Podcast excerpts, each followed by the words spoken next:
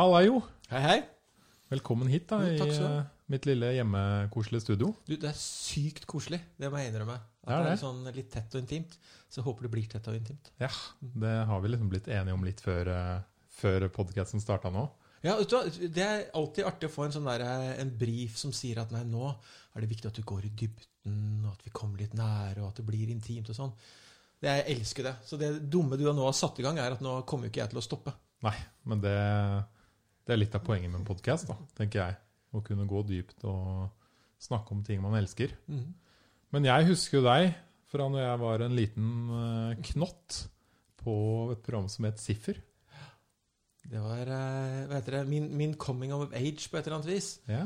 Jeg, hadde, jeg, er jo, jeg er jo skikkelig mattenerd. Jeg er Ja. innmari glad i matematikk. Men da fra et sånn filosofisk ståsted. Hva, hva kan man bruke matematikk til? Hva er struktur? Altså I mange andre land så er jo matematikk mye mer beslekta med filosofi enn det er med naturvitenskap, sånn som vi ofte snakker om det i Norge. Så jeg er opptatt av struktur i verden, hvordan henger ting sammen, hvordan kan vi avdekke ting. Jeg husker eh, da jeg var liten, eh, blant annet eh, Jeg var glad i å gå på do. Sitte på do. Mhm. Eh, Sitte og chille på do. Sitte og chille på do, og du går inn der og henger litt. Og, og det er klart at når man gjør det om morgenen før man skal på skolen, så kan det fort være litt sånn uheldig, for du kommer for seint på skolen. Hvis du blir Mm. sittende for lenge og kose deg. Sånn begynte Leste du, eller hva gjorde du på do? Nei, jeg har aldri vært noe glad i å lese på do. Nei. Det er på en måte ikke greia mi. Det skjønner jeg ikke. Det blir for meg å blande to sfærer. Men det å sitte der for seg selv, lukket dør, et lite, tett rom, og tenke på ting, det har jeg alltid hatt sans for. Så da satt jeg da, som liten guttunge, og, og tenkte og kosa meg. Men hvor lenge kan du sitte, egentlig? Så jeg begynte selvfølgelig da å ta tida på hvor lang tid jeg gikk på do. Og begynte å føre sånne lange tabeller og statistikk over det. Og oppdaget at jeg måtte, kunne ikke gå på do om morgenen. For tallene viste rett og slett at jeg satt der for lenge. så det måtte jeg endre på. Eh, Så jeg endra da oppførselen min basert på de innsamlede tallene. Og da skjønner man jo på en måte at det å samle inn tallmateriale Mm. kan gjøre noe med livet ditt og få det til å bli bedre. Hvor lenge satt du på do? Hva viste Nei. Husker du Ja, det var, eh, det var mellom sånn 22 minutter et sted. Ja. Så jeg klarte å gjøre det fort hvis jeg måtte, men jeg, det var mange sånne tallregistreringer som lå på sånn 15-17-20 minutter oppi der. Så- For meg høres det ut som du mediterte, egentlig. På en måte. Ja, det er meget mulig. Ja. Eh, og- det er noe deilig med det å bare la tankene fly, og ingen som maser. Noe av det som er deilig når man er på badet, er at det er, er sjelden at folk står på utsida av døra og maser. Man får liksom være i fred. Men med en gang man kommer ut i resten av huset og leiligheten, og sånn, så er det alltid noen som står og maser og skal noe og vil noe. Hmm. Så det er et godt sted å være. Jo, men også da jeg var Vi var kommet dit at vi drev eh, og akte om vinteren. Altså, jeg kommer fra Lillehammer. Og der er det jo det er fem måneder med snø og vinter. Og så er det litt grann sånn vår. Og så er det fem måneder med sommer. Og så er det litt grann høst hvor det regner. Og så er det vinteren igjen. Så hvis du ikke lærer deg å like snø, da har du et sånt kjempeproblem. Så det må Mm. du på en måte bare elske.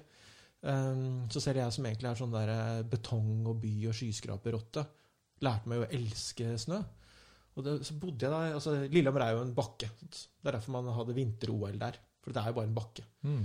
Um, og så dro vi akebrettene våre opp bakken, og så suste vi ned. Og så gikk vi alltid og snakket om de samme tingene. ikke sant? At ah, det tar utrolig lang tid opp, og så går det utrolig fort ned. Men utrolig lang tid, det er ganske upresist. Mm. Hva betyr det? Og utrolig fort ned. Hva betyr det? Så jeg begynte selvfølgelig å ta tida på hvor lang tid vi faktisk brukte opp. Hvor fort det gikk ned. Og oppdaget at vi brukte sånn 45-60 minutter på å gå bakken opp. Og fem minutter å kjøre ned. Og det er klart at da skjønner man jo hvorfor man syns det gikk fort. Ja. Når en 60 minutters gåtur Det var jævlig fort. Ganske sakte opp. ikke sant? Eh, så mitt forhold til eh, tall, matematikk og dette her handler jo ikke om å bygge broer og reise til Mars og sånn. Det handler om livet mitt, livet til Mm. folk, ting som angår meg. Gå på do og være i fred. Kjøre ned en snøbakke om vinteren, om kvelden mens stjernene glitrer over. Det er det det handler om. Så eh, Man tenker jo ofte, ikke så ofte på matte på den måten, da. Innen Nei. det daglige livet. Nei, nei, nei, er nettopp det. Sånn at da jeg på et eller annet tidspunkt jeg var blitt voksen, hadde, var ferdig med å studere, var blitt sivilingeniør, hadde tatt doktorgraden min, fått den første jobben på et sykehus, man driver og regner på liv og helse og sånn, som selvfølgelig passer meg godt. da. Det handler om liv og folks liv og kropp og hvordan ting henger sammen. Så satt jeg på et eller annet nachspiel med en uh, fyr. Og vi begynte å snakke om matematikk på den måten her. Og vi tømte barskapet, og jeg la ut om tall og akebrett og kreftgåten og hjerter og liksom ikke måte på. Så tok det ikke kjempelang tid før han og gjengen ringte meg tilbake. For han var jo journalist og jobbet i et TV-produksjonsselskap. De hadde lyst til å lage en TV-serie om tall, matematikk og statistikk. Men de kunne jo ikke noe om det. Så sier de ja, men han, jo da. Han som tømte barskapet og satt der hele natten og snakket om filosofi og stjerner og akebrett og sånn. Hva, med- hva med han? Og så sa jeg at ja, men dette er jo en perfekt jobb for meg. Altså, Jeg hadde jo ikke hatt TV på ti år. Jeg visste jo ikke hva, en, hva TV var for noe. Så jeg gikk ut og kjøpte meg en TV. Og begynte å lage TV. Ja. Og så satte vi oss ned og konstruerte opp den matematikkserien Siffer som gikk på NRK for noen år siden. Som da var en sånn matematikkserie som snakker om matematikk og tall ut ifra mitt liv, ute i den virkelige verden. Og vi satte opp sånne dogmeregler som sa at vi skal ikke bruke tavle. Det blir ikke noe kritt. Det blir ikke tjukke bøker. Det blir ikke eksperter med skjegg og universiteter og sånn. Vi skal ut i den virkelige verden. Og så skal vi peke på matematikken og si der, der er den. Dette er det jeg snakker om nå. Det er denne her. Du, Den meg. tingen. Tingen skal kunne virkelig holde i den og vise den fram. Og Ja, jeg husker at uh, jeg likte ikke matematikk så godt da jeg var ung. Eh, som mange andre, dessverre. Mm. Og mye av det kom jo av at uh, skolen sugde for, innenfor matematikk, mm. for min del. Mm. De hadde ikke kule eksempler. Nei. De hadde ikke kule historier. Mhm. Det var sånn her har du blekka. Mhm. Der har du noen epler og pærer Mhm. og noen ekser. Mhm. Kos deg med det. Ja. Ja, og det er noen av oss som syns at det er gøy. Det er det absolutt. Ja, Men vi er ganske få. Ja. La det være helt klart at det flokker ikke folk til matematikkutdanningen på universitet og høyskoler. Men så så jeg siffer, Ja. og da var det bare sånn Wow! Ja. Det er sånn det funker, ja. Ja. Ute i verden. Her er det noen streker langs gata, og her er det noe gjennomsnitt, og der var det om Aztek, og liksom Wow! Ja. Dødskult. ja. Og, det, og det er sånn vi som er glad i matematikk, ser matematikk. Bortsett fra at det er ikke sånn man blir lært det. Nei. Så det er, jeg skjønner jo at folk sliter litt med matematikk på skolen. Det er blitt mye bedre. Eh, Og det jobbes masse i skolen med å gjøre det mer levende. Og det at vi på TV klarte å få hundretusenvis av mennesker til frivillig å velge matte-TV på søndag kveld, vitnet jo noe om at folk vil jo dette her. Mm. Hvis du bare forteller det på riktig måte. Og den der erkjennelsen er noe av det jeg lærte masse om, som da kom fra universitetet og forskningen. Og det er liksom ettertenksomt, og det er bare innhold som er viktig. Og så oppdaget du at nei, ute i den virkelige verden så er jo form enda viktigere. Hvordan du sier det, Mm. er egentlig viktigere enn hva. Og Det betyr at uh, vi som da mener at vi har noe vettugt å melde, ja, vi må jo bare bli flinkere til å bruke form. Og jeg ser at lærere også har vært flinke til å begynne å, å redefinere matematikkundervisningen sin, basert på mange av de tingene som vi gjorde. Ja. Uh, Sånn at det er, er blitt mer levende. Det er blitt mer spennende. Og det, dette her er jo, har jo plutselig blitt en av mine fanesaker. ikke sant? Mm. Det her er greia når du sier her er blekka X og Y og ruteark og full pakke. Kos deg med matte. Det, det går ikke. Tenk om det hadde vært sånn i norsk, da. At eh, det eneste vi gjorde i norsk, det var å drive med tekstanalyse. Mm. Setningsoppbygning. Substantiv og adverb og nominal. Det var det eneste vi gjorde. Det var bare regelpugging. Mm. Men det er jo ikke det. Hadde du ikke lært en dritt norsk? Du hadde ikke hatt mange journalister og forfattere og historikere gående rundt i samfunnet. Ingen hadde giddet å skrive da. Men grunnen til at du har lyst til å skrive, er at fra dag én så får du lov til å lese spennende historier. Du har lesestund på skolen med spennende historier. Du får lov til å fortelle din egen historie. Du gjør masse feil når du skriver. Sant? Ordene er gærne, og te- er gal, og åg og å-feilene florerer. Men du får allikevel lov til å prøve deg fram. Og bygge historier og bruke språket. Og da kjenner jeg at ja, men nå lever det. Nå lever norsk for meg. Men i matematikk så blir det på en måte frarøvet alt det spennende. Hmm. Altså Min hverdag består i å finne ut hvordan skal vi klare å lage bedre liv for folk. Ja. Sånn at de enten ikke blir syke i første omgang, eller at hvis de først har blitt syke, så kan vi gi dem den beste behandlingen som finnes. Og det er en ganske givende måte å snakke om matematikk på. Regnestykkene er ikke døde ting på papir. Hvordan Regnes- henger eh, matematikk og det sammen? Og du trodde at det var legene som fant ut hva som er best behandling? Nei, nei, jeg bare spør. Nei, du, det er lenge siden det var de som drev med det. Det de Ja, for dette vil jeg lære mer om. Ja, ikke sant? Nettopp. For det er jo, i, i gamle dager så var jo eh, medisin og helse det var jo mye mer sånn at eh, leger satt og snakket med folk, og 'Hvordan har du det?' 'Ta litt på deg', og 'Dette her, dette ordner seg', vet du.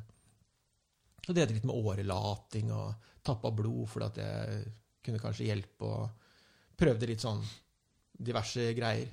Og så oppdaget man jo etter hvert at det der fører jo ikke helt fram. Og det var en sånn del sånn pionerforsøk med leger som begynte å som samle inn tall på ting. Mm. Eh, og begynner rett og slett bare å telle. Og oppdager at nei, hæ, når det er folk som lider og sier at de har sånn og sånn vondt, og så begynner vi å årelate dem, da er det jo flere av de vi årelater, som dør, enn de vi ikke årelater. Hmm. Mm. Er vi sikre på at årelating er så smart? Hmm. Og så dukket opp flere sånne forsøk. Et av de berømte er jo eh, eh, alle disse sjømennene som fikk skjørbuk. Så for at du får mangelsykdommer på havet når du skal drive med en trebåt og seile jorda rundt. Det er lite ferske grønnsaker ute på havet. Så du Ganske med sånn én type mat. ganske mye én type mat ute på Mm. havet, og så får de da skjørbuk og en del mangelsykdommer. Og så begynte de da som å teste ut med hva om vi gir dem litt ekstra sånn, da. Og vi så at alle de som var glad i sitrusfrukt, de fikk jo ikke eh, denne type mangelsykdommer. Huh. Og så gjorde de eksperimenter med sjømenn ute på havet, og oppdaget at nei, i sitrusfrukt De som spiser det, de klarer seg faktisk litt bedre. Og så begynte de å dytte limefrukt eh, på eh, sjøfolk. Og alle britiske folk ute på havet ble kalt limeis fordi de alltid drev og spiste på lime. Hvor du da rett og slett bare tar og prøver å, plukke fra hverandre kroppen. Hva er det den trenger? Hva er det egentlig som skjer? Ved å rett og slett å begynne å telle. Ja. Og dette å sette tall på kropp har jo revolusjonert helsevesenet nå. Sant? Vi samler inn tall på alt mulig rart, og så oppdager vi at ha, det var ikke sånn vi trodde. Den behandlingen der gjør ikke folk bedre. Det er like mange som dør enten de får eller ikke får den behandlingen. Mm. Hvis vi gjør det på den måten der derimot, da ser vi at de blir fortere utskrevet fra sykehuset. For det kan vi, har vi jo tall på. Det har vi jo loggført for lenge siden. Det der er det som har vært det store skiftet innenfor medisin og helse, som gjør at kropp og det å forstå kropp og liv, det er jo vår tids månelanding. Mm. For 100 år siden så var det å forstå atomet. Da satt vi og knakk atomet fra hverandre. og Atommodellen og kjernepartikler var sånn, det var det vi avdekket da. Juhu, Einstein og hele pakka. Og så for 50 år siden, da skulle vi til månen. Så da laget man sånne månemissions og fant ut mer hvordan det skulle gjøres rent teknisk. En ting er å peke på månen og si 'Å, det er gøy å reise dit', da. Det andre er å rent teknisk få det til. Og så Mm. oppdager man hvordan verdensrommet fungerer i praksis ved å være der ute. Måle der ute. Man trodde jo før at ved å reise ut dit så kanskje du eksploderte. Men det gjør man ikke. For det har vi jo testa. Og vår tids månelanding er å forstå hvordan kroppen fungerer. Så nå er det det det står om i avisene hele tiden. Mm. Forside på forside på forside. Hva er det du skal og ikke skal spise? Hva er det du skal og ikke skal gjøre? Hva er det vi tror virker og ikke? Og hele det skiftet har gått ved det at man har tatt matematikk, tall, statistikk, og flyttet inn i medisin og helse og begynt å regne på kropp. Så sykehusene er fullt opp av statistikk og matematikkundervisning. Ja. Det er veldig bra. Det høres ut som riktig vei å gå. altså, jeg syns det er kjempebra. Og når vi ser hvor langt eh, helsevesenet har kommet på ganske kort tid, så ser man jo at det der har vært kjempebra. Og så må man passe seg, da. Fordi matematikk og statistikk er jo ikke sannheten. Nei. Selv om jeg kan måle kroppen din, så er ikke tallene kroppen din. Nei, ikke sant. Sant? Det kan gi en viss pekepinn og en, en viss anelse om ja, dette funka for 1000 folk. Ja. Funker det sannsynligvis for deg? Ja, men jeg vet ikke. Nei. Og det er klart at eh, det er forskjell på 1000 eh, nordmenn og 1000 svensker, 1000 dansker, tyskere, nigerianere, kinesere Vi er jo ikke kliss lite, like genetisk på innsiden. Så det er ikke gitt at vi skal respondere helt likt på ting heller. Så dette må man også begynne å grave i. Og så er det klart at den kroppen som du sitter her med, ja, den ser jo liksom enkel ut. Den er som snaut to meter og veier noen titalls kilo. Og det, er sånn. det, er, det er ikke mye. tryne og Vi kliss like. Mm. Allikevel så er det jo da eh, ja, kliss ulike. kliss ulike. Alle er beviselig helt forskjellige. Mm. Så hvordan skal vi da kunne klare å lage generelle regler for noe hvor alle er helt forskjellige?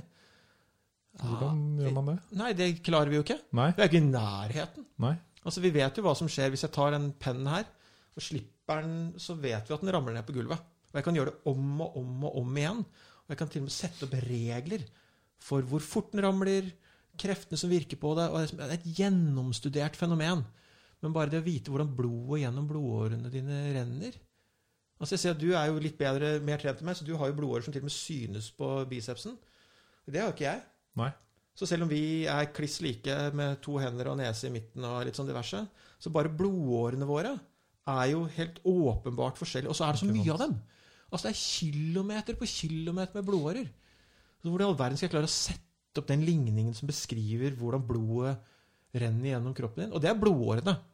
Og så har du hjertet i midten, Mm. som er en muskel. Som da er en utrolig avansert muskel. Vi aner ikke hvordan vi skal sette opp ligningen for den. For deg en gang. Og så skal vi prøve å si noe generelt om hvordan dette her fungerer. Det er klart at altså blodåret kan tette seg. Avhengig av hvor mye du trener, hva du spiser. Men du vet jo ikke hva du har spist hele livet. Det er vanskelig å si. Det er fryktelig vanskelig å si. det er helt klart. Så hvordan skal jeg få inn det i ligningene, da? Og når du trener, det er klart at du har en annen fysikk, du har en annen arvekode fra dine foreldre enn jeg har for mine. Ja, For der sier du noe. Jeg har jo tatt DNA-test. Du har det? Ja. Og der får man vite en del sånne ting. Det står jo, det står jo kanskje på mye, Ja. eller mulighet for. ja. Men man kan jo ta DNA-test. Mm. Og så, jeg har faktisk hatt en podkast om det. Oh, ja? Og så kan du finne ut selvfølgelig sånn familietre, Mm. den delen av det. Den andre delen er jo å finne ut sånn helsedelen. Hvordan så det ut, da? Du, det står jo veldig mye sånn uh, Ifølge ditt DNA og forskning på uh, 1000 eller 2000 eller 300 eller 10 mus som må lese godt, ikke sant? Så er det en mulighet for at du kan få diabetes et eller annet. Mm. Eh, Ja. Ifølge dette DNA-kromosonet Mm. så er det en større sjanse som viser at de som hadde det i dette landet, i Finland, 1000 menn, de hadde større sjanse for å få et eller annet vitamin D-mangel. Ja. Sant? Hva ville du gjort med sånn resultat? Altså, Kan det gi deg en, på en måte en pekepinn på hva du i hvert fall burde gå og teste deg for, eller er det helt bullshit? Det er et kjempegodt spørsmål. Ja. Eh, jeg får, jeg får eh, mange spørsmål med folk som tror at fordi jeg er opptatt av matematikk, opptatt av å sette tall på ting, jeg er stolt av at helsevesenet, biologer og leger våger å sette tall på ting for å prøve å nøste hvordan kroppen fungerer. Det syns jeg er bra at de har gjort. Mm. Eh, Men det er jo få som er så kritiske til bruk av tall og statistikk som statistikere. Ja. For dette er ikke sannheten. 100 hvite mus i Finland er Ikke ikke, deg, altså. Men hva med 4000 menn i Finland? Ja, det hjelper. Det gjør det. Det er klart at Finland er ikke Norge, da. Nei. Hvordan, Eh, hvordan er den forskjellen? Er det sånn store forskjeller fra land til land, f.eks.? Vet du noe om det? Nei, vet du hva? Det der er altså så mange faktorer som varierer samtidig. Jo, det, er, det, det her er noe av problematikken. Ja. Det er så mange faktorer som varierer samtidig, at det å begynne å få kontroll på dette her er nesten umulig. Mm. Og den der ideen om at man skal klare å redusere kroppen ned til en samling enkeltfaktorer som skal kunne løses for seg og ses på uavhengig av hverandre, da er man allerede litt grann å kjøre. Mm. Altså, for det er, er ikke sånn at hvis jeg har lyst til å finne ut hvordan eh, nyrene mine fungerer, så kan jeg ikke ta ut nyrene fra kroppen og legge dem på et operasjonsbord i en forelesningssal. Ikke. Ikke, nei, men jeg, jeg kan godt gjøre det. Men, men nyrene fungerer bare hvis de ligger der de er, Mm. og gjør den jobben de skal, med alt det andre. Så jeg kan ikke isolere kroppen som en eh, bunke med gjenstander som kan betraktes hver for seg. Det er alltid totaliteten. Kan du noe kombinatorikk? Nei. Nei, du kan ikke kombinatorikk. Eh, men da kan vi ta et grunnkurs i kombinatorikk. Ja. Ikke sant? Eh, hvis jeg har en kopp foran meg på bordet, eh, hvor mange måter kan jeg plassere den foran meg på bordet på? Én. Den kan Ja. stå der, eh, og det er det jeg kan få gjort med den. Og så har jeg også et vannglass som Altså, jeg setter ved siden av. ja. Hvordan kan jeg sette et vannglass og en kaffekopp eh, foran meg på bordet? Ja, det kan jeg sette foran meg på to måter. Enten kan vannglasset stå til venstre og kaffekoppen til høyre. Eller så kan kaffekoppen stå til venstre og vannglasset til høyre. Så disse her to kan jeg kombinere på to Ikke forskjellige foran måter. bak. Nei, jeg setter dem bare på siden for å gjøre det litt enklere. Ok. Ja, sant. Og så har jeg da selvfølgelig også eh, et lite sånn lys som står her. Så nå har jeg et lys, kaffekopp og vannglass. Hvor mange måter kan de settes foran meg på? Nei, nå står vannglasset til høyre, kaffekoppen i midten og lyset til venstre. Og så kan jeg bytte Det er én måte. Sant? Mm. Og så kan jeg bytte på vannglasset og kaffekoppen. Ja, nå er det da lys, vann, kaffe. Det er måte nummer to. Mm. Og så kan jeg bytte på lys og vannglasset. Og så kan jeg holde på sånn, og så kan jeg vri og vende på alt mulig. Og så oppdager jeg etter hvert at det fins seks forskjellige måter å gjøre det på. Ok, Så legger du til en ting til. Så legger jeg til en ting til. Og da har jeg fire ting. Og de kan plasseres på 24 forskjellige måter. Ja. Og så setter jeg på en ting til. Da har jeg fem. Da har jeg 120 forskjellige måter. Setter på en sjette ting. Da er det 720 forskjellige måter. Og så holder jeg på sånn og setter på og setter på. Og så oppdager man at selv med bare ti ting, så er det liksom er millioner av måter å gjøre ting på. Og dette eksempelet da Og så har du forteller du kroppen. av kroppen. Ikke Nemlig. sant? Og hvordan alle disse tingene som henger sammen inni kroppen. Ja, det er mange ting som henger sammen Hmm. og kan påvirke hverandre på utallige måter. Og hvordan skal jeg da liksom prøve å avdekke hvordan kroppen egentlig fungerer? Er det nyre som påvirker leveren, eller den som påvirker den andre? Og er det annerledes hvis hjertet pumper så mye blod i forhold til om du har spist den og den maten forrige uke, eller hva du arvet av genene dine? Og var det mor eller far sine gener som var viktig? Og Er det sol? på-? Ja, ikke sant? Er Er humøret mitt godt i dag? Ja. Sant? Og så blir det så mange faktorer at det å tro at man skal kunne nøste opp i dette Nei, Nei. det, det får ikke det til. Men kan du få noen på en måte pekepinner, Ja. og så gå og teste deg? Du kan for få en pekepinn fra 1000 finske menn Ja. som hadde det samme som Eller deg. din far. Ja, Du kan jo få en slags Alle, alle fedrene i familien har hatt prostatakreft. ja. Hmm. Ding! Kan det være noe her? Ikke sant? Og det er jo plutselig så Jeg syns at det er noe av det som er interessant med matematikk, forskning, inn på livene våre. Om det er medisin og helse eller samfunnsfag eller kultur. Mm. Det handler om at eh, akkurat her og nå, deg, oss, vi, dette er en unik situasjon. Mm. Men det betyr ikke at det ikke går an å bruke matematikken og tallene til å gi deg en støtte til å ta et bedre valg. Det er det jeg også prøver å komme fram til, egentlig. Ja, Det bare tok litt lang tid fordi at jeg måtte spore meg litt av. Nei, men det er viktig å komme ordentlig inn i det, Mm. og forklare hvorfor.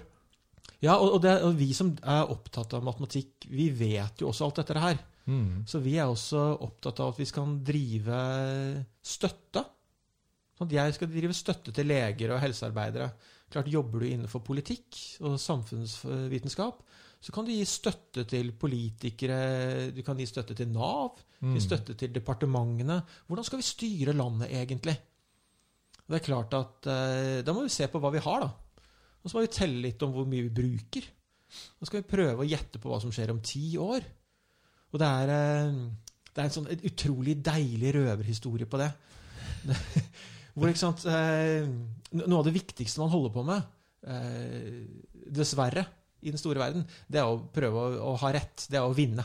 Folk er sjukt opptatt av å vinne. Mm. Å vinne det kan jo bety for f.eks. sånn hvordan vinner du gull i idrett? Og så går vi på Olympiatoppen og så prøver de å spise riktig og trene riktig for å vinne gull. Eller for mange så handler det om å vinne en krig. Jeg har lyst til å vinne krig, for det er liksom dødsfett å vinne krig. Og En av måtene å vinne krig på er at du må ha en hær, og den kan gjerne være stor. Stor hær er liksom fett. Og sånn Da er du sjef. Da er du sjef, ikke sant? Ja, ja. Har du verdens største hær, så er, da får du stort sett være litt i fred. Litt sånn kongen på haugen. Mm. Det er kult. Eh, og på når jeg passer meg, er det 1700-1800-tallet, skal jeg si 1700-tallet, så var jo, var jo Sverige en militær stormakt i verden. Eh, og var liksom, var, de var å regne med. Skikkelig.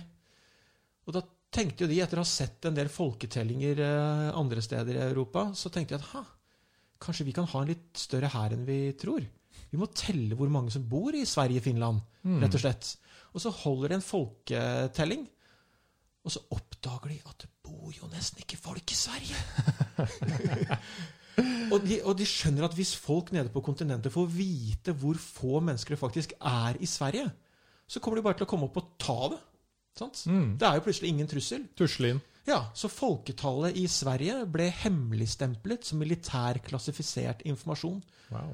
Fordi man visste at dette tallet her sa så mye om Sverige, og hvor lett det var å ta, at det fikk du bare ikke lov til å si høyt. Så det å telle ting kan plutselig være ganske stor makt i det. Selv enkle, små opptellinger sier plutselig fryktelig mye. Mm. Sånn Det hadde det samme etterfølgeren til Napoleon. Da hadde man jo allerede begynt å telle eh, hva, hva man hadde i et samfunn. Sånn Statistiske sentralbyrå, som vi nå tar for gitt, begynte å dukke opp på 1800-tallet. Eh, hvor, eh, hvor staten og regjering og styresmaktene bestemte seg for at vi må, vi må telle hvor mange som bor her. Vi må telle om vi har nok ressurser. Og så oppdager man ikke sant, eh, med en opptelling på eh, 1800-tallet i Frankrike at Bor det så mange her? Da har ikke vi nok smør. vi.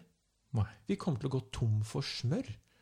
Og du skjønner jo at for franskmenn Smør, god mat, god saus Dette er jo helt krise. Mm. Så de må eh, skjønne at de må gjøre et eller annet.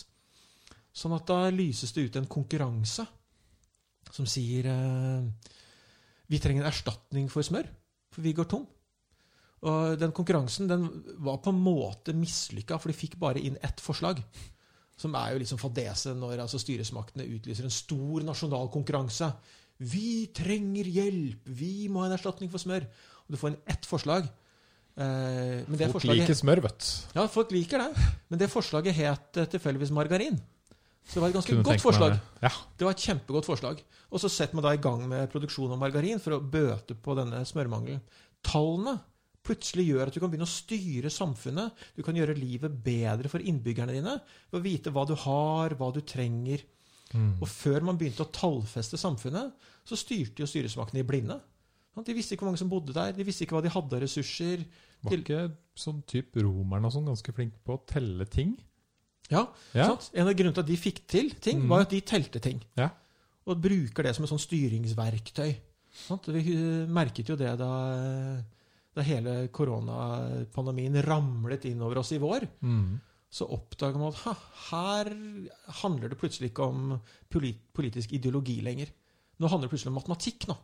Virkelig. Det handler om at 1 smitter to, 2, som blir 4, 8, 16, 32, 64, 128, 256, 512, 1024, 2048 Hvor lenge klarer du å fortsette den? Å, et stykke.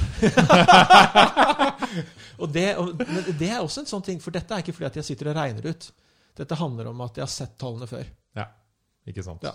Det, og etter hvert så har man sett så mange tall at te, disse regnestykkene vet vi ikke. Du har også sett på datamaskina di. Mm. Hva, hva, hva heter alle disse minnebrikkene og lagringskapasiteten du har? Og Ja, og De heter 1024 og 2048 og sånn, fordi at det er togangeren. Men på pandemien Yes. nå, eh, Litt sånn via sånn datalagring nå, og tilbake til pandemi. Mm. Um, Eksponentiell vekst. Det at ting tar av, det er jo den matematiske betegnelsen for denne doblingen som skjer. Eller tredoblingen, eller hva det er. Eksponentiell vekst er jo eh, det som Einstein har kalt den sterkeste kraften i universet. Den tar av noe så enormt. Og alle som har, kan litt matematikk og regnet på smittsomme sykdommer før Det er sånne kurs vi tar på universitetet. Mm. Kan du regne på hva som skjer med smittsomme sykdommer. Og der ligger eksponentiell vekst og liksom lurer. Og det man merker, er jo at disse tingene tar av så voldsomt at hvis et tiltak ikke virker litt ekstremt, da er det antageligvis for sent. Ja. Da er du allerede bakpå. Og det betyr at plutselig så ble de matematiske modellene fra Folkehelseinstituttet Det var plutselig det vi begynte å styre samfunnet etter. Fordi vi kan ikke ligge litt sånn bakpå og vente og se. Hvis du ligger og venter og ser, da får du USA, da. Mm. Hvor det bare tar av, og så er det ingenting du får gjort. Og det er klart at når da matematikk blir styrende for samfunnet, ja, da syns jo jeg også at eh, folk flest bør få en innblikk i den matematikken.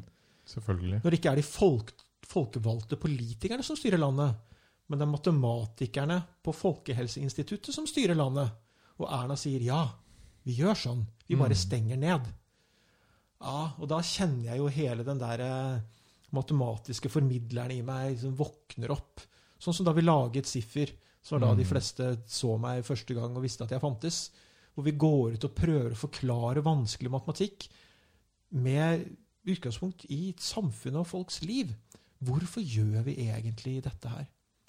Så da de vi stengte ned eh, Norge 12. mars pga. eksponentiell vekst, eh, og jeg var sånn Yes, kult! Eksponentiell vekst ruler.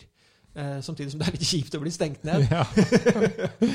Nei, fader, nå må jeg være hjemme! Eh, um, så det første jeg gjorde, var at jeg ringte til eh, Universitetet i Stavanger, hvor jeg har en bistilling Ja. eh, og jobber, og sa Vet du hva?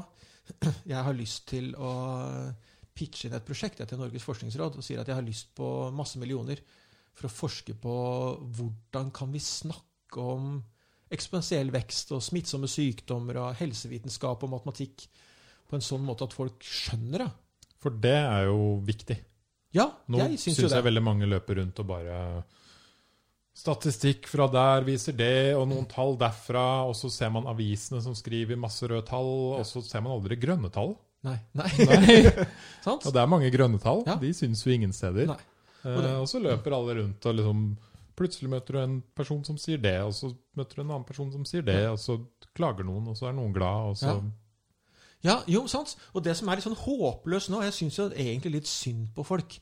Fordi vanligvis når det presenteres tall og statistikk i aviser og på TV og på radio, så er jo det filtrert enten gjennom en forsker selv, som har sittet med datamaterialet og prøvd å finne ut av hva er det som skjer her, og så presenterer man et funn. Man har funnet ut at nei, for, for mye sjokolade er ikke bra hvis du gjør sånn og sånn. Sant? Eller så er det filtrert gjennom en journalist mm. som har snakket med noen forskere og vitenskapsfolk og holdt på. Så det er alltid et filter hvor disse tallene er filtrert gjennom noen som har gjort en del analysejobb for deg, sånn at du kan sitte i andre enden og motta en litt mer sånn der raffinert innsikt. Men nå får du jo alle tallene. Ja. Det bare dumpes ut, og så blir det opp til deg å prøve å skjønne hva som er essensen av dette. Og det klarer ikke engang vi som er proffe. Selv vi sitter jo ned med ligninger og papir og blyant og datasoftware og prøver å skjønne hva som skjer. Så skal man da som en helt vanlig person som ikke er dønn matteinteressert, sånn som meg, men helst bare gjerne vil ha det litt oppsummert da, Mm. på Nitimen på radio eller i en eh, avis mens du sitter og scroller gjennom. Nei, så det blir liksom litt sånn håpløst når det blir sånn ufiltrerte mengder med tall. For du skal ikke lese tall på samme måte som Nei. tekst. Nei. Nei. Tekst kan du jo lese en bok, men du plotter jo ikke inn alle tallene fra Statistisk sentralbyrå inn i en roman og gir den ut og sier 'lykke til, her er det veldig masse spennende'. Det Er ikke sånn det fungerer, altså. Ja, nå begynner jo folk å miste tillit til de tallene òg. Ja. For de skjønner jo ikke en dritt av de. Nei. Rett og slett. Sånn at eh, Vi har nå satt i gang et stort eh, forskningsprosjekt på Universitetet i Stavanger hvor vi skal prøve å finne ut av hva er det som er viktig å få sagt i forbindelse med en eh, pandemi. Mm. Eh, hvordan kan vi si det best mulig, sånn at flest mulig forstår mest mulig fortest? For det er klart at eh, Vi klarer alltids å få folk til å forstå det der R-tallet som vi snakket mye om i vår. Eh, hvis alle aviser og alle radiokanaler og alle radiostasjoner snakker om det hele tiden, så skjønner du jo til slutt. Men du blir også helt skikkelig lei. Mm. Du blir liksom svimmel av det. Vi må være flinkere til å snakke om det. rett og slett. Hva føler du kunne vært gjort annerledes nå? Som før du har begynt å forske på det her? Hva, hva, hva burde man ha gjort med tanke på kommunikasjon og disse tallene og Vet du hva, det der, der er Jeg syns det er dødsspennende. Eh, og jeg er jo litt glad i hvordan samfunnet vårt eh, har blitt eh, vitenskapifisert. I den forstand at eh, du skal ikke langt tilbake i tid. For de som satt oppe på universitetene og forska på ting, de satt der oppe. Og så hadde det det vi kaller akademisk interesse. Det var fett å holde på med fordi man syntes det var fett, og så fikk man penger, og så styrer man rundt med det.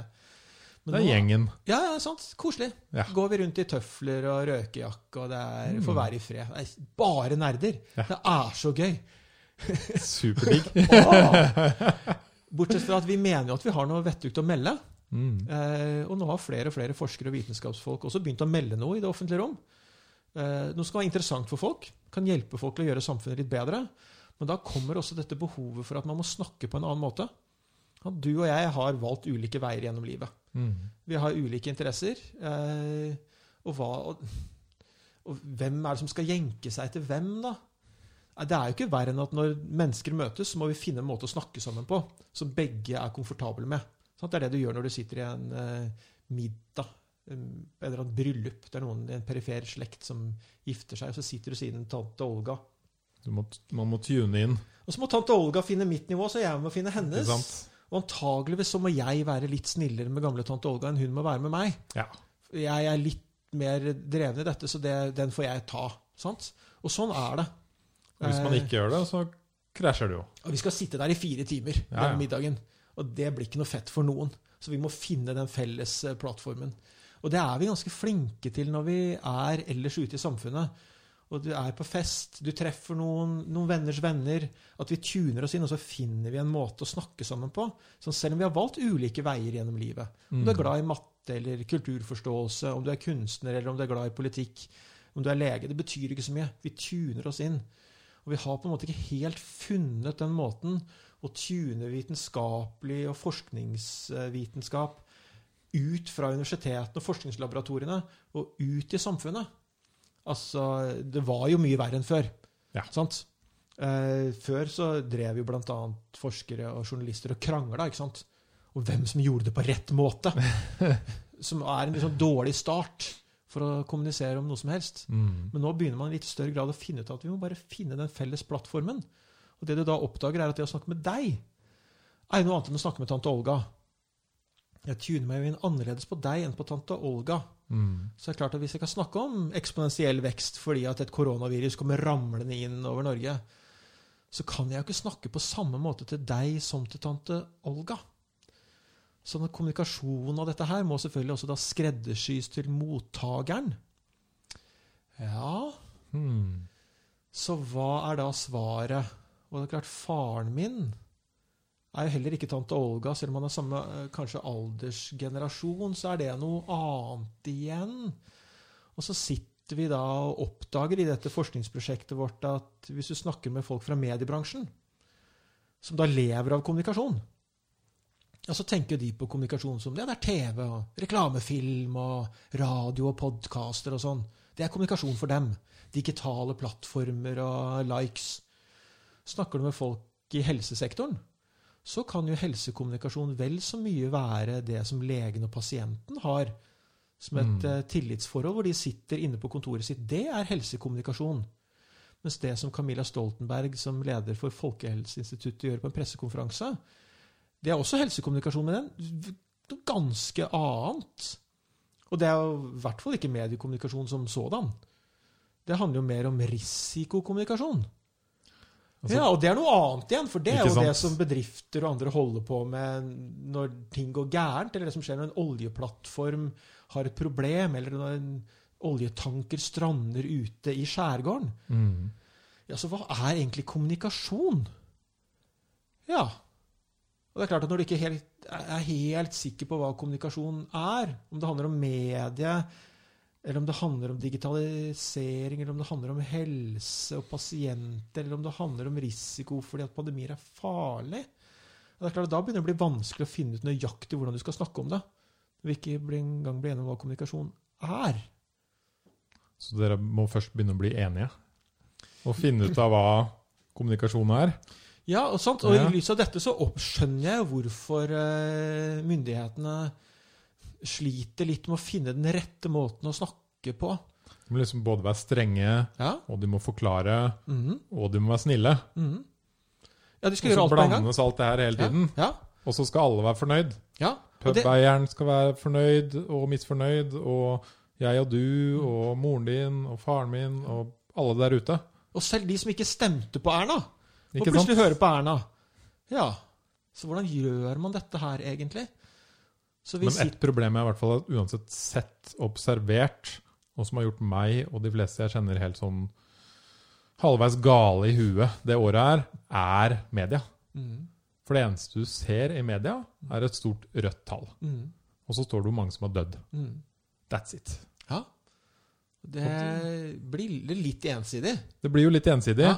og det spiller jo veld, veldig mye på frykt. Mm, Og til og med NRK, mm, som er en kanal som vi betaler for, mm, har kun kjørt den samme taktikken, så Ja. å si. mm. De har ikke et, som en, en, en kollega av meg sier, jeg ser det røde tallet hele tiden, jeg ser aldri det grønne tallet.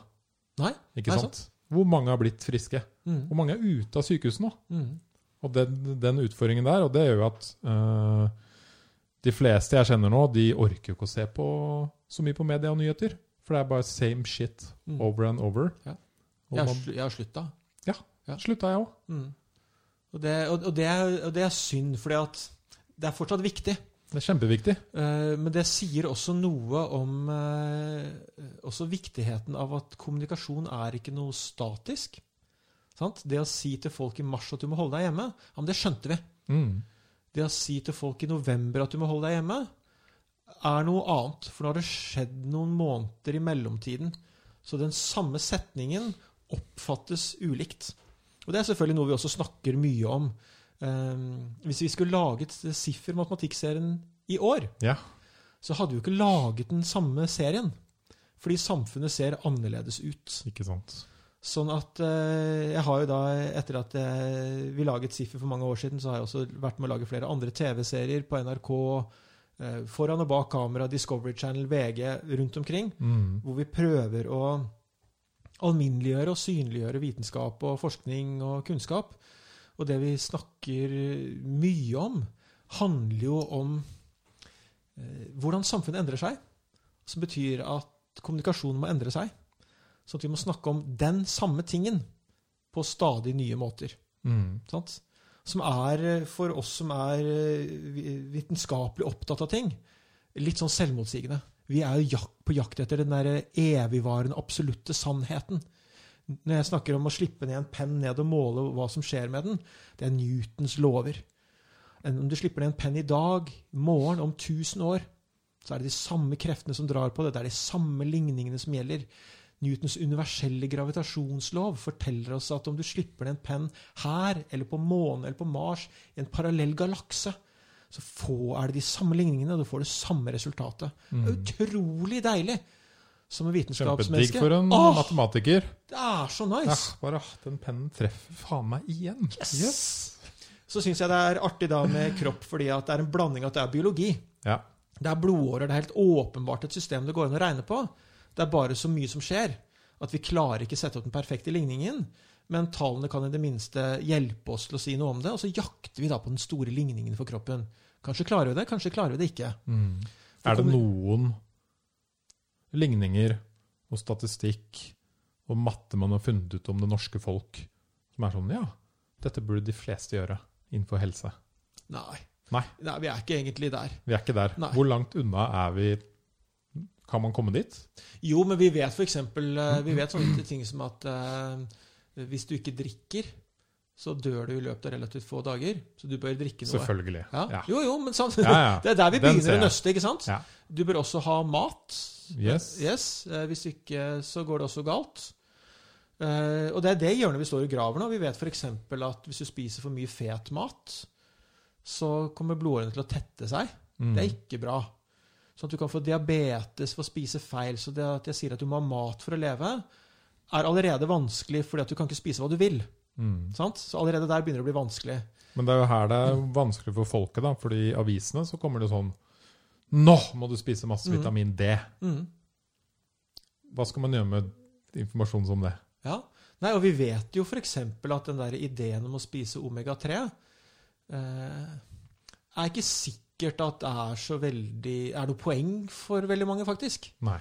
Omega-3 eh, å spise det er viktig for folk, for inuitter, folk som bor der hvor det har vært lite mat å nyttiggjøre seg. Klart, eh, Bor du et sted hvor det ikke er grønnsaker, så er det ikke så lett å spise grønnsaker. Men Nei. kroppen trenger det likevel. Sånn at den kan da få opp en del sånne næringsstoffer på annet vis. Eh, Så folk som bor steder hvor det er fryktelig mye fisk og sånn, har en litt annen genetikk enn sånn som meg som kommer fra indre Østland. Mm. Som gjør at det er andre ting som man er tjent med å spise og ikke. Så det er vanskelig selv i Norge å gi gode kostholdsråd for nordmenn Mm. i hermetegn, fordi det er forskjell på om du bor ved kysten eller bor på innlandet, hva du har tilgang på, hva slags genetikk du har arvet gjennom ikke bare én generasjon fra far og mor, men fra 100 generasjoner, 1000 generasjoner bakover i tid. Tja, så når du spør er det noe vi vet Altså, Det er dumt å hoppe ut fra et fly uten fallskjerm. Må drikke vann. Ja, sant? Mm. Eh, nå er det for så vidt ikke gjort noe ordentlig forskning på om det å hoppe ut fra fly uten fallskjerm. Nei. Det er de ting det ikke er forsket på. ingen som melder seg. Ingen som melder seg frivillig til å være på forskningsprosjekt på det. Man finner ikke de tusen. Nei, som da skal da deles tilfeldig inn i to grupper. For det må du selvfølgelig også gjøre for at det er skikkelig forskning. Ja. Noen får seg, men noen får ikke. Og ikke ja, Og du vet ikke før du kommer ut om Men du har placebo er jo en kul ting. placebo-fallskjerm. Ja, men sånn utenom fallskjerm. Ja. Nei, jo, men du skal få placebo om et øyeblikk. Ja. Fordi det der ble nemlig gjort et poeng av okay. du i, et, eh, i det som heter BMJ, eh, British Medical Journal, som da rett og slett laget en og publisert en eh, skikkelig vitenskapelig mock-up-artikkel. eh, hvor da man har gått gjennom all eksisterende medisinsk litteratur som er gjort på fall fra stor høyde uten teknisk hjelpemiddel. Hm. Eh, og det er ingen studier. Og da er liksom konklusjonen at det er inkonklusiv om man skal bruke fallskjerm eller ikke. Bare for å gjøre et poeng ut av at det er ikke forskning alltid som er det saliggjørende. Det vi, du kjenner på kroppen sjøl, er ikke dumt, det heller. Nei. Selv i et vitenskapeliggjort samfunn så skal vi drive og kaste folk ut av et fly uten fallskjerm? Eller skal vi bare si at 2000 år med fall fra stor høyde og knuste kropper Logisk tankegang og litt sånn Vi lar den gå. mm. Sant? Og derfor placebo er kjempeinteressant Ja. i så henseende. Ja. Hvor du rett og slett eh, kan gå inn og teste en del sånne antakelser. Rett og slett. Jeg elsker det jo. Hva syns du om placebo? Det, jeg syns det er helt vanvittig kult. Ja. At man eh, At man på en måte kan få en pille, og så er det sukker. Mm. Så har man et en eller annet problem, Mm. og så kan man liksom med hodet sitt tro og ønske seg frisk, så blir man friskere. Ja, det, det er helt uh... Det sier jo litt om hodet og hjernen, og jeg tror det er veldig mange sånne uregenskaper og verktøy Mm. i kroppen og Mm. hodet som har gått tapt. mm. Og så begynner vi kanskje å finne igjen noen av de nå. Og noen av de når vi tester ting med placebo. Ja, altså dette det her med å Det med å eh, bare bli anerkjent, eller altså sett for problemet ditt, Mm. hjelper jo. Bare, ja, bare det å komme inn til legen. Eh, Eller komme til noen i hvit frakk. Eller komme til noen som sier 'jeg skal høre på hva du har å si', gjør at du blir bedre. Sant? Det er ikke alltid det er en saliggjørende pille engang du trenger. Nei. Sant? Eh, Sånn at eh, i i medisinsk forskning så er det jo sånn at eh, for å sjekke om en behandling, en pille, et eller annet man gjør med kroppen, har effekt, så sier de ikke at det skal bli bedre, og at det skal ha effekt. Det må ha effekt utover placebo. Mm. Sant? Det må være bedre enn at jeg gir deg en sukkerpille. Hm. Og problemet med placebo selvfølgelig er at hvis jeg forteller deg at jeg gir deg en sukkerpille, Så funker det ikke. så funker det ikke. Så at jeg må ljuge til deg. Ja. Så derfor har det vært en stor debatt innenfor helsevesenet. ikke sant? Kan vi bare gi folk sukkerpiller? Ja, ljuge litt. Ja, Mm. sy men sant? Men syns vi at det å lyve til pasientene er det liksom Hvor ligger det etisk hen? Nei, det går jo ikke. Så du må jo gi folk noe du oppriktig tror at virker. Mm. Sant? Men så er det kanskje sunnere gi sukker da enn Antibiotika. en, eller noe annet. Eller noe annet. Mm. Ja, jo. Ja, men selvfølgelig, det er klart at eh, nå, nå, når jeg sa antibiotika, så var jo ikke det tilfeldig. Klart, antibiotika er jo et kjempefint hjelpemiddel mot bakterier. Problemet er jo det at en bakterie er et levende vesen. Ja. Så den gjennomgår også evolusjon og utvikler seg fra generasjon til generasjon. Og bakterier har utrolig korte liv. Så Hvor korte liv har de? Å, nei, du, jeg er ikke virolog. Jeg kan ikke så mye om Nei. biologi. Jeg, men eh, kan ikke du finne ut av det? Jeg kan finne ut. Og så sender du meg en tekstmelding etterpå så Ja. sier du hvor lenge de lever. Nei, men De har altså så korte generasjoner at uh, de har jo nå genetisk og og i DNA-et sitt endret seg. Mm. Så de har jo begynt å bli immune mot eh, antibiotika. Ja. Som er dumt. Eh, antibiotika er jo seg selv et naturlig stoff. Altså Antibiotika er jo det bakterier bruker når de kriger med hverandre. Mm. For å utslette hverandre. Så vi har bare tatt det, og så har vi destillert det på laben og puttet det inn på akkurat passe store piller, sånn at vi har kontroll på det. Altså Du kan godt finne antibiotika, lage det sjøl fra ute i hagen. Det er bare at du har ikke kontroll på hvor sterkt det er, og nøyaktig hvilket antibiotikum det er. Mm. Så det er bedre å la noen med en sånn hvit frakk og hvitt laboratorium kontrollere det. Men det er utrolig skremmende at Ja. verdens beste behandling, antibiotika, er i ferd med å slutte å virke. Fordi vi har brukt for mye av det. Og da må vi tilbake litt til sukkerpille. Se om kroppen klarer å fikse det sjøl. Ja, jeg så også en dokumentar om fasting. Ja. ja, ikke ikke de sant? fasta i opp til en måned med, med leger til stede. Mm. Og bare Det funka nesten for alle å få Ja. ut sykdommen av kroppen på Ja. den måten. Ja, altså den der ideen for om dette at det er viktig å spise frokost, som vi er flaska opp på, var jo egentlig et uh, salgstriks fra Jeg husker ikke om det var Cornflex eller hvem det var i USA. Mm. Hvor de liksom plantet ideen om dagens viktigste måltid. Og det var en så innmari bra slogan at nå har plutselig frokost liksom blitt noe alle skal ha. Virkelig Sjukt viktig. kverna inn i hodet til eh, folk, altså. Samtidig som oppfinnelsen av kjøleskapet, som betyr at du kan lagre mat så du har frisk mat om morgenen, den er ganske ny. Mm. Vanligvis måtte du ut og fange mat og spise den, og så Mm. var det tomt, fordi at lot du kjøttet ligge over natta, så eh, blir det litt sånn halvbra. Så det å ha god, solid eh, frokost med alle næringsmidlene du trenger i, er jo ikke noe vi har hatt sånn uh, historisk sett. Og før var jeg også sånn at da de vennene mine som sa nei, jeg spiser ikke frokost, for det er ikke så viktig, var jeg litt sånn ja, men kjære vene, Ja. du må jo spise frokost, det er dagens viktigste måltid. Sånn er min, min, min mor, hvis jeg sier det til hun. Nei, nei, frokost, det er alt, Ja. det har vi alltid sagt. Ja. Så for meg jeg det sånn, sant? Nettopp, du har hørt det. Mm. For meg var det en vanvittig aha-opplevelse da noen fortalte meg at det er et sånn salgsslogan fra 1900-tallet. Nettopp. Det Ja. begynner å bli gammelt. Ja, Ja. og det har vi sagt i mange år. Ja, og så? Og samme med det å spise mange mellommåltider. Det er viktig. Ja. Da holder du blodsukker og energien oppe ikke sant? hele Mm. dagen. Og det, du blir jo kjempeavhengig av det, å få den der kicken hele tiden. Nettopp. sånn at det der, Og det er jo noe det jeg- som er kanskje noe av det som drar meg mot uh, forskningen. Mm. Og eh, å putte matematikken inn i disse tingene her. Fordi matematikken og tallene kan hjelpe deg til å prøve å, å skille disse tingene fra hverandre. Det er veldig mange ting vi tror, og som vi har en idé om. Vi har hørt det alltid. Men det å sette seg ned og begynne å stille spørsmålstegn ved disse tingene, prøve å finne ut av hvordan finner vi ut om dette egentlig stemmer. Er frokost viktig, eller er det Mm. ikke det? Eller er det sånn at én type frokost er viktig for noen? Og så går du inn på internett, da. Og da er du ganske fucked. Ja, da bærer det jo helt galt av sted. Ja, Da sitter du plutselig og spiser eh, brokkoli og fiskepinner til frokost Ja. Et halvt år. Ja, det, For Har du gjort det? Nei, bare sier noe. nei, altså man, Du finner et forum, og Ja. så kommer det en ekspert inn Ja. som bare 'Dette her er jo the shit'. ja. Woho! Oh. Ja, nei, og og det er eh, altså så eh, lett å bli forvirra og lurt av dette her.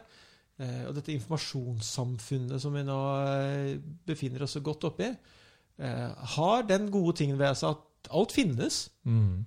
Eh, Problemet er at det er ufiltrert. Det er ingen som har hjulpet deg med å finne ut hva som er god og dårlig informasjon. Så det som Og så finner du jo ofte noe informasjon. F.eks. litt som vi sier, da. Du finner eh, Nå kan jeg ta en ganske sånn aktuell hype. mm. I USA Mm. så er brokkolispirer til shit nå. Er det det? Ok. Ja, ja. Det, det renser ut alt av eksos og sånn som du har fått i deg, og liksom det flusher hele kroppen. Mm. Ikke sant? Det er det beste du kan få i deg. Og så kommer det etter hvert noen andre forskere som bare sånn Nei, vent litt. Du kan jo kanskje bare spise brokkoli, Mm. og ikke spirene. Mm. Spirene kan kanskje være farlige Mm. hvis du spiser mye av dem. Mm. Og så kommer det enda en som bare Ja, men det som er i brokkoli, er også i disse grønnsakene. Ja, nemlig. Men det er noen som kun har lest Mm. at brokkolispirer er the shit. Altså, jeg husker at det var for eh, noen år siden så var det en sånn greie hvor det ble slått veldig stort opp om at det var veldig viktig å drikke masse vann. Mm. For det var så veldig bra for deg. Og det kom jo ut av sånne studier hvor man ser at nei, de som er veldig godt trent, de drikker fryktelig mye vann. Ja. Men det er jo fordi de trener. Ja. så det var ikke vannet i seg selv som gjorde at det var så viktig. Og derfor brokkolispirene Ja, jo. Mm. Men det var kanskje ikke brokkolispirene i seg selv. Var, de, men de var en del av noe større. Sant? Men la oss ta et eksempel, da. Du vil finne ut om du skal spise frokost eller ikke. Hvordan går du fram? Hva er det du gjør i dagens informasjonssfære for å finne ut av det? For deg selv. Ja, det jeg personlig ville gjort at Jeg er jo at jeg hadde jo gått opp på Institutt for ernæring. Ja. Og så hadde jeg snakket med noen venner der, og så hadde jeg fått dem til å, å, å kanskje sette i gang en studie av dette. Ja. Og begynne å f.eks. ja Ja, hvis du ikke kunne gjort det, da. ja, men jeg kan det. Ja, du kan det. Hva, Nei, hva skulle jeg gjort, da? Ja, hva skulle du gjort, ikke sant? Nei, eh, det der er et kjempestort problem. Mm. Eh, eh, og dette her er jo noe vi er nødt til å bli flinkere til i samfunnet. Når vi snakket om matematikkundervisningen, at den må gjøres mer levende, sånn at man skjønner at dette her kan være relevant for deg. Eh, en av de tingene som vi sliter med i verden i dag, er eh, det som kalles statistical literacy. Det å kunne lese tall og statistikk. Vi er så dårlige i matematikk eh, i store deler av verden at vi klarer ikke å lese tall. Og problemet er at nesten all forskningslitteratur hvor man har testet disse tingene her, Mm. den er jo basert på å samle inn mennesker i grupper. Du gir gruppe A dette og gruppe B dette, og så teller vi opp og måler ting for å se hvordan det gikk med dem. Sant? Mm. Vi, hvis det gjelder frokost og ikke, så vil de kanskje ha, eh, ha sett eh, Gikk blodomløpet deres opp? Gikk humøret deres opp? Hvor lenge klarte de å være produktive på jobben? Eh, Var blodtrykket deres endret? En hel haug med tall som vi så skal prøve å samle inn. Og når vi har da funnet ut av dette, så publiserer vi en vitenskapelig artikkel som er full av tall.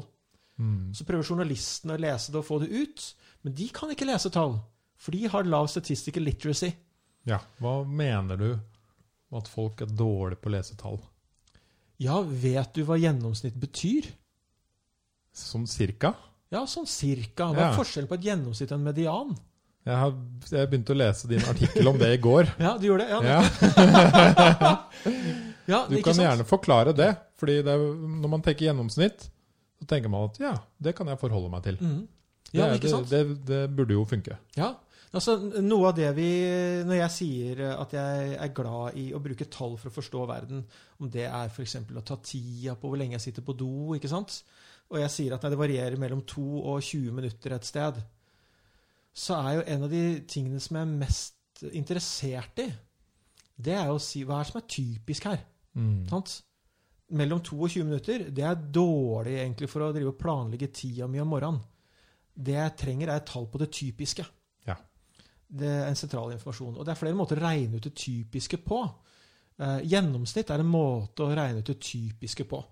Gjennomsnittet lærer vi på skolen. Sant? Du tar Ja, sum av alle observasjonene, og så deler du på antall observasjoner. Enkelt og greit. Sant? Dette kan vi. Og det er et kjempegodt mål på det typiske hvis alt du har observert, alle tallene, ligger samlet rundt gjennomsnittet. Ok. Eh, og, og, og det tenker vi at ting ofte gjør med f.eks. lønn. Så er det alltids noen få som tjener sjukt mye penger. Mm. Og de vil jo nå trekke gjennomsnittet opp mot seg selv. Sant? Fordi at disse store verdiene som bare legges inn sammen med resten, de får nå så stor vekt at gjennomsnittet trekkes vekk fra det som egentlig er den typiske lønna som folk tjener. Så du går på et sykehus og har lønn til sykepleiere og leger. Hva er det som er typisk, egentlig? Mm. Du kan da sikkert få et gjennomsnitt som er mer enn det sykepleierne tjener, og mindre enn det legene tjener. Ja. Og så er ikke gjennomsnittslønna typisk i det hele tatt. Nei, Det den gir deg egentlig ingenting. Besvarer ikke spørsmålet i det hele tatt. Hvis du kun hadde gjort på sykepleiere, Da så hadde du fått et godt gjennomsnitt, det. kanskje. Nettopp. Mm -hmm. Eh, og Derfor vet vi at gjennomsnittet i seg selv er ikke en saliggjørende størrelse. Nei. Eh, vi vet at det ikke tar høyde for ulike grupperinger, sånn som sykepleiere og leger. Og tar heller ikke høyde for at noen få kan trekke liksom lønna noe voldsomt. Tenk USA, da. Mm. Gjennomsnittslønn. Hvor du har noen som tjener milliarder av kroner. Sånn at gjennomsnittet vil antageligvis ligge altfor høyt Mm. i forhold til hva folk faktisk tjener i USA. Medianlønnen, det er jo den midterste observasjonen. Du bare sorterer alt sammen, så plukker du ut den midterste. Og vil ofte være et mye bedre mål på det typiske, for det er der de fleste ligger. Det er midt på. Mm. Eh, Så derfor burde man egentlig, når man oppsummerer store tallmengder, så burde vi egentlig rapportere median. For den er robust. Den lar seg ikke liksom pelle på på samme måte som gjennomsnittet. Og så kom problemet. Ja. Hvorfor bruker vi ikke alltid medianen da? Nei, fordi den er vanskelig å regne med. Ok. Ja, Det er så banalt som det. Gjennomsnittet ramler ut av de matematiske ligningene helt av seg selv. Mm. Vi som er gode i matematisk statistikk, vi elsker gjennomsnitt fordi at den er en naturlig størrelse. Litt sånn som pi og alt dette her. Det dukker opp av seg selv. Bortsett fra at det er ikke egentlig alltid noen god beskrivelse av det vi driver og ser på. Men så har folk hørt gjennomsnittet om og om igjen, så du tror at det er viktig. Mm. Og så tror du at det er sånn verden ser ut, og så blir man litt sånn ukritisk da, på å stille spørsmålet Men kan disse tallene oppsummeres med gjennomsnitt? Sånn som du skrev ikke om det, den gjennomsnittsnordmann. Ja, det finnes jo ikke. Er Selvfølgelig ikke. Nei.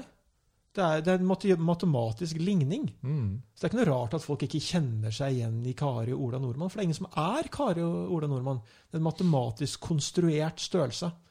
Og jeg vet dette, for jeg, jeg kan lese statistikk. Så når jeg ser tall presentert i tekst, så leser jeg dem som tekst. Mm. Jeg forstår hva som ligger bak. Men det kan ikke folk. Nei. Og da blir du lurt av tallene, fordi du skjønner ikke egentlig helt hva du leser. Og da har du det vi kaller lav statistical literacy. Så man kan si at uh, gjennomsnittet av 1000 damer i New York Mm. trenger uh, D-vitamin. Mhm. Men ja vel? Hvem spurte du?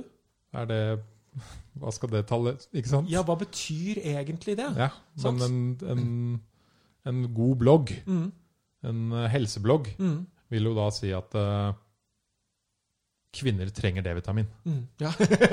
ja, jo, sant. Mens det som, vi, er, det som uh, vi som lever av å skrive forskningsartikler og, og kjenner det språket, vi klarer jo i løpet av relativt kort tid eh, å, å hente ut hva disse tallene representerer. Hvilken gruppe er det bra for? Hvem er det ikke bra for? Hvem er det ikke som er inkludert? Er var gjennomsnittet en bra størrelse, eller burde vi gjort det på en annen måte? Og så. Eh, så her må man på en måte inn eh, og, og bli flinkere til å lære folk å lese tall. Mm. dette, og folk er ikke dårlige til å lese tall fordi de er dårlige. Det er fordi at vi aldri tenkt på at det var viktig. Ja, så har vi ikke lært det på den måten, kanskje? Eller Nei, vi har ikke det. Og når vi, når vi lærer folk å, å lese i norsktimen sant? Allerede fra du er barn, så har vi lesestund. Vi lærer å tolke tekst. Vi lærer at når noen har skrevet noe, så står det i lys av forfatteren. Det står i lys av hva slags ord man bruker. Vi vet at ved å vri og vende på ordene, så endres måten budskapet oppfattes på. mm. Sånn at vi, vi, vi skjønner noe om å lese tekst. Vi er gode til å tolke tekst. Og når vi snakker med hverandre, du og jeg nå, så bruker vi tekst. Vi bruker ord. Selv om jeg er matematiker. Jeg er profesjonell tallnerd. Og likevel så snakker jeg med ord. Sånn at den der, vi har ingen trening i å snakke med tall. Og det må vi, må vi lære oss opp til. Særlig når nå tall og statistikk og sånn begynner å bli så viktig Mm. når i koronapandemien det spys ut tall, men vi kan ikke lese dem. Nei. Så man blir jo helt, helt utmatta. Ja, man blir helt utslitt. Så jeg blir jo helt utmatta. Jeg orker ikke å se så mye tall. Jeg blir helt svimmel. Det er klart at alle blir svimle og, og skjøtter det av. For at vi vet ikke hva vi skal gjøre med det. Det er litt fortvilende, faktisk. Det er det. Det Det er veldig kult, det forskningsprosjektet dere har begynt. Ja, Ja, det er jo det. dødskult. Hvis vi får til dette her, Ja. finne nye måter å snakke om disse tingene på Og det er kanskje det som har vært noe av det viktigste for meg fra jeg da gikk fra universitetet inn for å begynne å lage TV, og tall-TV for ti år siden. Eh, Det å ta da eh, kunnskapen fra massekommunikasjon, TV, radio, podkast, aviser, inn tilbake i eh, universitetsverden Mm. og si hva kan vi bruke dette her til? Nå som vi må ha kunnskapen ut. Hvordan kan vi gjøre dette her bedre? Det, altså jeg elsker jo sånne det som vi kaller tverrfaglige ting, men som vanligvis bare heter livet. Ja. Hvor folk med ulik eh, kunnskap og interesse og kompetanse settes sammen for å løse et problem. Ja, for du kan ikke lenger bare ha de nerdene der og de politikerne der og de mediefolka der. Du må liksom blande litt. Ja. Vi, må lære av hverandre. ja, vi må mikse det sammen. Vi må sette oss i samme rommen og diskutere og finne ut av dette her. Og det er, altså, jeg har jobbet på universitetet i mange år, jeg, og det er, det er lenge siden vi sluttet med å ha lukket dør. Ja. For det går ikke lenger. De problemene som kan løses med lukket dør, de har vi løst. Mm.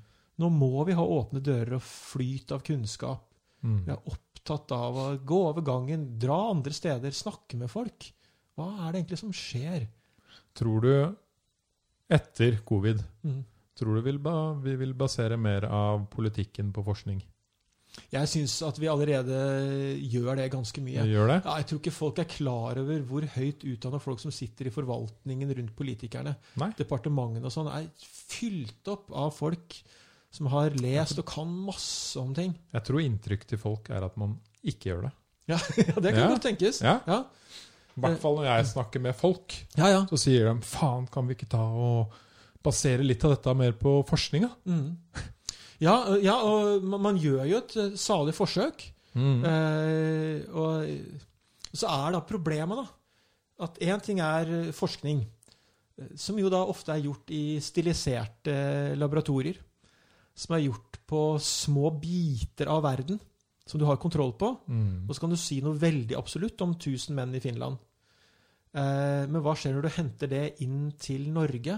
Så må du gjøre noen tilpasninger for å få det til å passe for oss. Og så er det jo noe med at vi er jo mennesker, så vi har jo også noen overbevisninger, ting vi tror på. Sånn som frokost. Sånn som frokost. Mm. Og noen tror jo på det fordi at de syns det er hyggelig med frokost.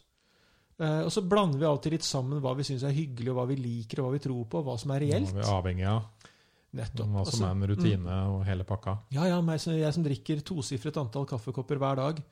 Og, og får vondt i hodet hvis jeg ikke gjør det. Fordi at den avhengigheten sitter tungt i kroppen. Det er klart at Jeg assosierer jo helt spesielle ting med kaffe. Absolutt. Som eh, ja, For meg er det jo- reelt på et eller annet vis. Mm. Men det er bare for meg.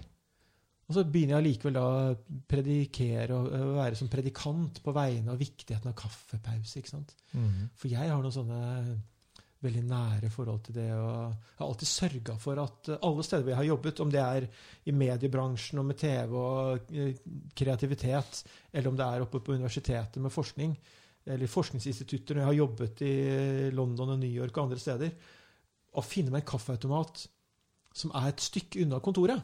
Mm. For hele poenget med kaffe for meg er ikke nødvendigvis å drikke den heller. Det er det å gå og hente den. Ja. Det, Det er jeg ganske enig i. Den prosessen der er kjempeviktig. Du vil ikke egentlig alltid ha kaffe engang. Nei, nei, nei. nei, nei. Det, er ikke, nei, ikke det det handler om. Det er det å gå ut og hente den, og det at koppen er varm, og som gjør rebooter en del tankeprosesser. Så jeg trenger også å fylle koppen full for, for å kjenne at den er varm. Jeg kan ikke bare gå til automaten og tilbake igjen. Jeg tok en uh, uke kaffepause nå, Ja. forrige uke. Mm. Jeg drikker sånn to til fire kopper om dagen. Ja. To, ja, Vet du det? Har du telt opp, eller? Ja. Ja, ok. det er ganske presist. Ja, takk. Jeg har telt. Ja, fint. Eh, og da fikk jeg smake på hvor dypt underbevisst alle disse tingene funker og er. Bare sånn Ja, nå skal jeg nå, Ikke sant? Det var absolutt ingen kaffe. Mm. Bare sånn, Nå er morgenen, nå skal jeg lage kaffe. Så bare Hvorfor skal jeg lage kaffe nå? Ja.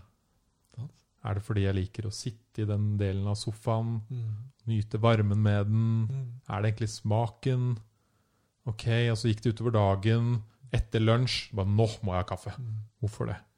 Jo, er det fordi maten jeg spiste, gjorde at jeg fikk mindre energi. Eller gikk koffein fra morgenen ut av kroppen. Det er veldig gøy å observere. Ja, ja men det vil jeg tro. Mm. Artig, du- du Ja, jeg har skrevet ned. Ja, så bra. Ja. Ja, for det, det der er jo det, det er et klassisk sånn der godt sånn eh, antropologisk forskningsprosjekt. Mm. Hvor du rett og slett bare tar og kjenner litt på kroppen hva, hvordan man føler noe. Og Sant. om jeg kunne bytte det ut med te eller noe Nei. varmt. Det testa jeg også. Trenger jeg egentlig bare noe varmt i en kopp. Ja, hva var svaret? Ofte ja. Ja, ja, Ja. ikke sant? Veldig Mm. ofte ja.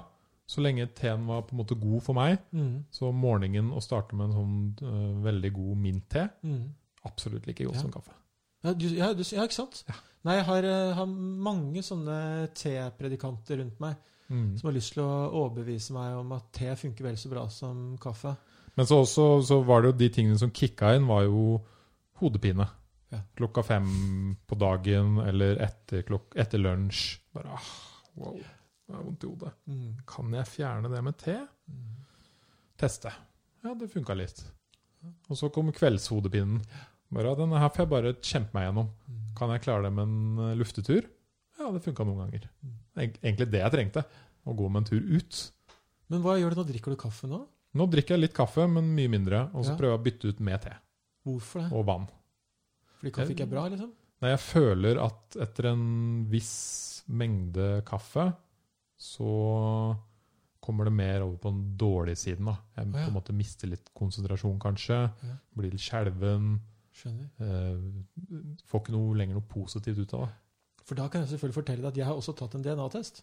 Du har det! Ja, jeg har det. Og en de Dette er ting- alltid hemmelig så lenge, jo! Jo, og, og en av de tingene som kom ut av den DNA-testen, er at det står at jeg har utrolig høy toleranse for koffein. Ja, det sto det omvendt hos meg. Ja. Jeg er veldig sensitiv for koffein. Mm. Og når det sto der Jeg har egentlig visst det ganske lenge, Mm. men når det sto det der, tenkte jeg OK, placebo eller ikke, Mm. that makes fucking sense. Yes, nettopp. Mm. Ja, jo, men nemlig. Så derfor, eh, da jeg så den testen, så var det veldig mange ting for meg som liksom eh, falt på plass, da. Ja. Hva mer fant du ut? Nei, vet du hva? Um, da, da jeg ble pappa første gang, uh, så var det i forbindelse med at jeg og kona hadde Eller da dere hadde hatt min. sex? Vi hadde hatt sex Ja. eh, opptil flere ganger. Ja. Men vi, vi hadde flytta til San Francisco. Make love, not war. Ja. Så det gjorde vi. Og så ble hun gravid. Ja. Eh, og da bodde vi i San Francisco i California. Eh, og det å være gravid i USA er jo noe annet enn å være gravid i Norge. For det er klart at En av de tingene som jeg liker godt med det norske samfunnet eh, Man merker godt når man har bodd mye ute, sånn som jeg har gjort, eh, mye av det bra med sosialdemokratiet. Mm. At vi deler litt på ting. At vi passer på andre som kanskje ikke har hatt eh, like mye flaks som oss. Eh, om du blir syk, om du er eh, uheldig med hvor du vokser opp, at det skjer et eller annet, hva som helst. Jeg er glad i det. Blant annet det fins et nettverk, sosialt nettverkssystem, som kan passe på. Blant annet det om du blir gravid, og noe går gærent. Om det blir fødselskomplikasjoner. Om du får et barn med noen medfødte sykdommer, et eller annet som kan være vanskelig, så har vi et system i Norge som ikke gjør at du er fullstendig overlatt til deg selv. Mm. Det er du i USA. Om du føder et barn i USA med, med noen uh, komplikasjoner på et eller annet vis, så er det du som får regninga. Ja. Personlig. Det betyr selvfølgelig at de tester jo alt mulig. Ja. Eh, Og når det da selvfølgelig også kommer da med norsk sånn helsekort, og de vet at he-he, her kan vi sende regning på alt mulig! Så vi fikk jo da noen DNA-tester ut av det hvite ut av øyet. Altså jeg har testa alt mulig. Og det handler jo da om for å se hva som kanskje skjer med barnet og ikke. Mm. Og den DNA-testen fortalte meg da at det er ingenting spesielt med meg i det hele tatt. Nei. Det ligger ingen kjipe sykdommer og lurer. Ingen spesielle genetiske hindringer noe sted. Det er ikke noe bra heller. Liksom. Det er ikke eksepsjonelt på noe som helst vis. Det er bare helt, helt vanlig. Eh, bortsett fra at jeg da har veldig høy toleranse for koffein. Det var det du Det er liksom det eneste jeg fikk ut av det. Ja. Aner ikke hva det kosta. Men eh, Norske stat betalte, eller noen for, nei, Norge betalte. Forsikringsselskapet betalte det. Ja. Nei, og Da var det klart at eh, da spurte alle amerikanere så heldige dere er som ble gravide her, for da kan dere få amerikansk statsborgerskap. Vi bare Why? Tenker jeg dropper det. Jeg tar den norske, egentlig. egentlig. Jeg er ganske komf med det. Så vi flytta hjem igjen og, da jeg skulle føde, og ble værende. Ja. Så Så det var et bra valg. jeg har ikke angra noe særlig på det. Jeg syns det er ganske digg å ha Norge som base før man eh, forsvinner ut i den store verden. Kunne komme tilbake hit. Men jeg elsker å reise ut. Syns det er gøy Ja, å bo andre steder. Men eh, når man har vært borte lenge, så kjenner man jo hvor godt det er i Norge. Det er det. Det er derfor man også har godt av å reise litt. Ja, ja. Ja, Og over litt lengre tid enn en ferie. Veldig. Du, du, ser ikke så mye på en ferie, liksom. Du, på to, en, to-tre uker. Nei. Så du har ditt, og du har noen planer, og du ligger litt der, og du ser på de tingene der. Mm. Så drar du hjem. Så ser du litt fattigdom, kanskje. Så ser du kanskje noen som tigger der, og så uff, ja. Men det glemmer du fort. Ja, og det, det, Ganske fort. sant? ja, det gjør det. Og det er eh, Jeg tror den første gang vi flytta til London, eh, var liksom den der aha-opplevelsen i hva det vil si eh, å ha et samfunn som funker godt, Mm. og ikke. F.eks. det der å skulle flytte inn i en leilighet i et annet land. Hvordan får du en telefon i et annet land? Eh, hvordan sørger du for å få en bankkonto? Hvordan alle disse tingene henger sammen. Ja, Jeg har jo bodd i India et år. Ja, nettopp. Ja, Da vet du jo alt om det der. Ja. Og det er, eh, jeg Alle burde egentlig reise ut og bo et annet sted. I, du, mer enn tre måneder må du ut. Mm. For da, da må liksom en del ting på plass. Da må du ha en bank å gå til. Du må ha en adresse å få sendt posten din til. Og sånn. Og det der haslet der, altså.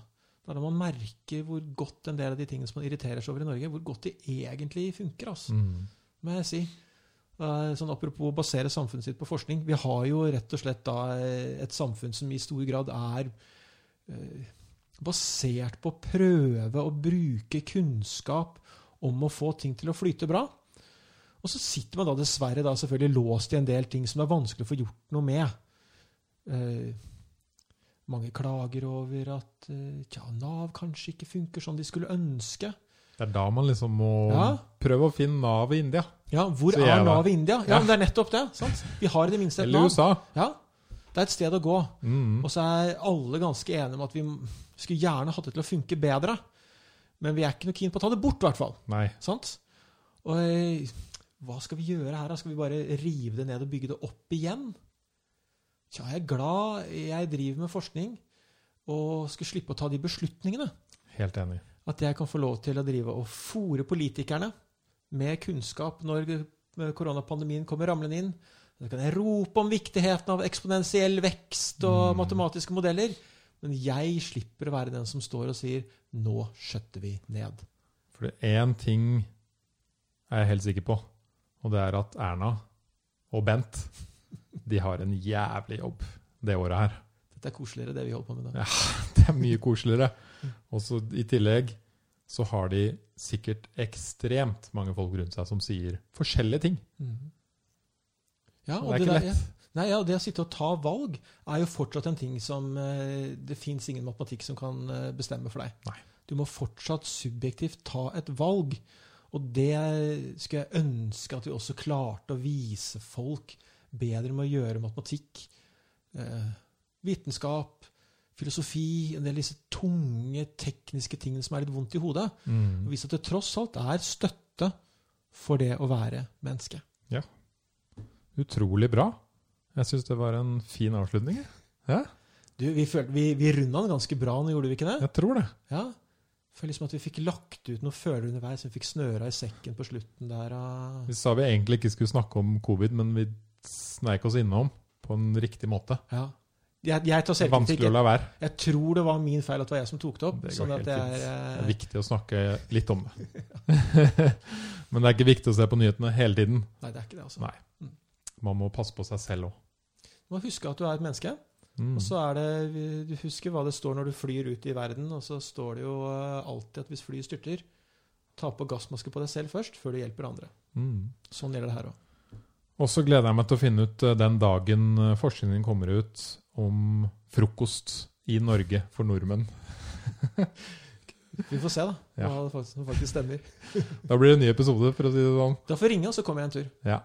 Tusen takk for besøket, Jo. Det var Veldig hyggelig. Hvis folk vil uh, sjekke ut deg, hvor er det de finner deg på det sosiale nettsidene? Stedene? Ja, hvis de tar og eh, skriver Jo Røiselin inn et sted, så dukker det sikkert opp noe Instagram og noe Twitter og noe hjemmesider og noe Wikipedia og litt sånn diverse. Herlig. Da er det bare å gjøre det. Takk for i dag. Du, jeg skal invitere deg tilbake en annen gang. Gjør gjerne det. Hyggelig å være her. Veldig hyggelig.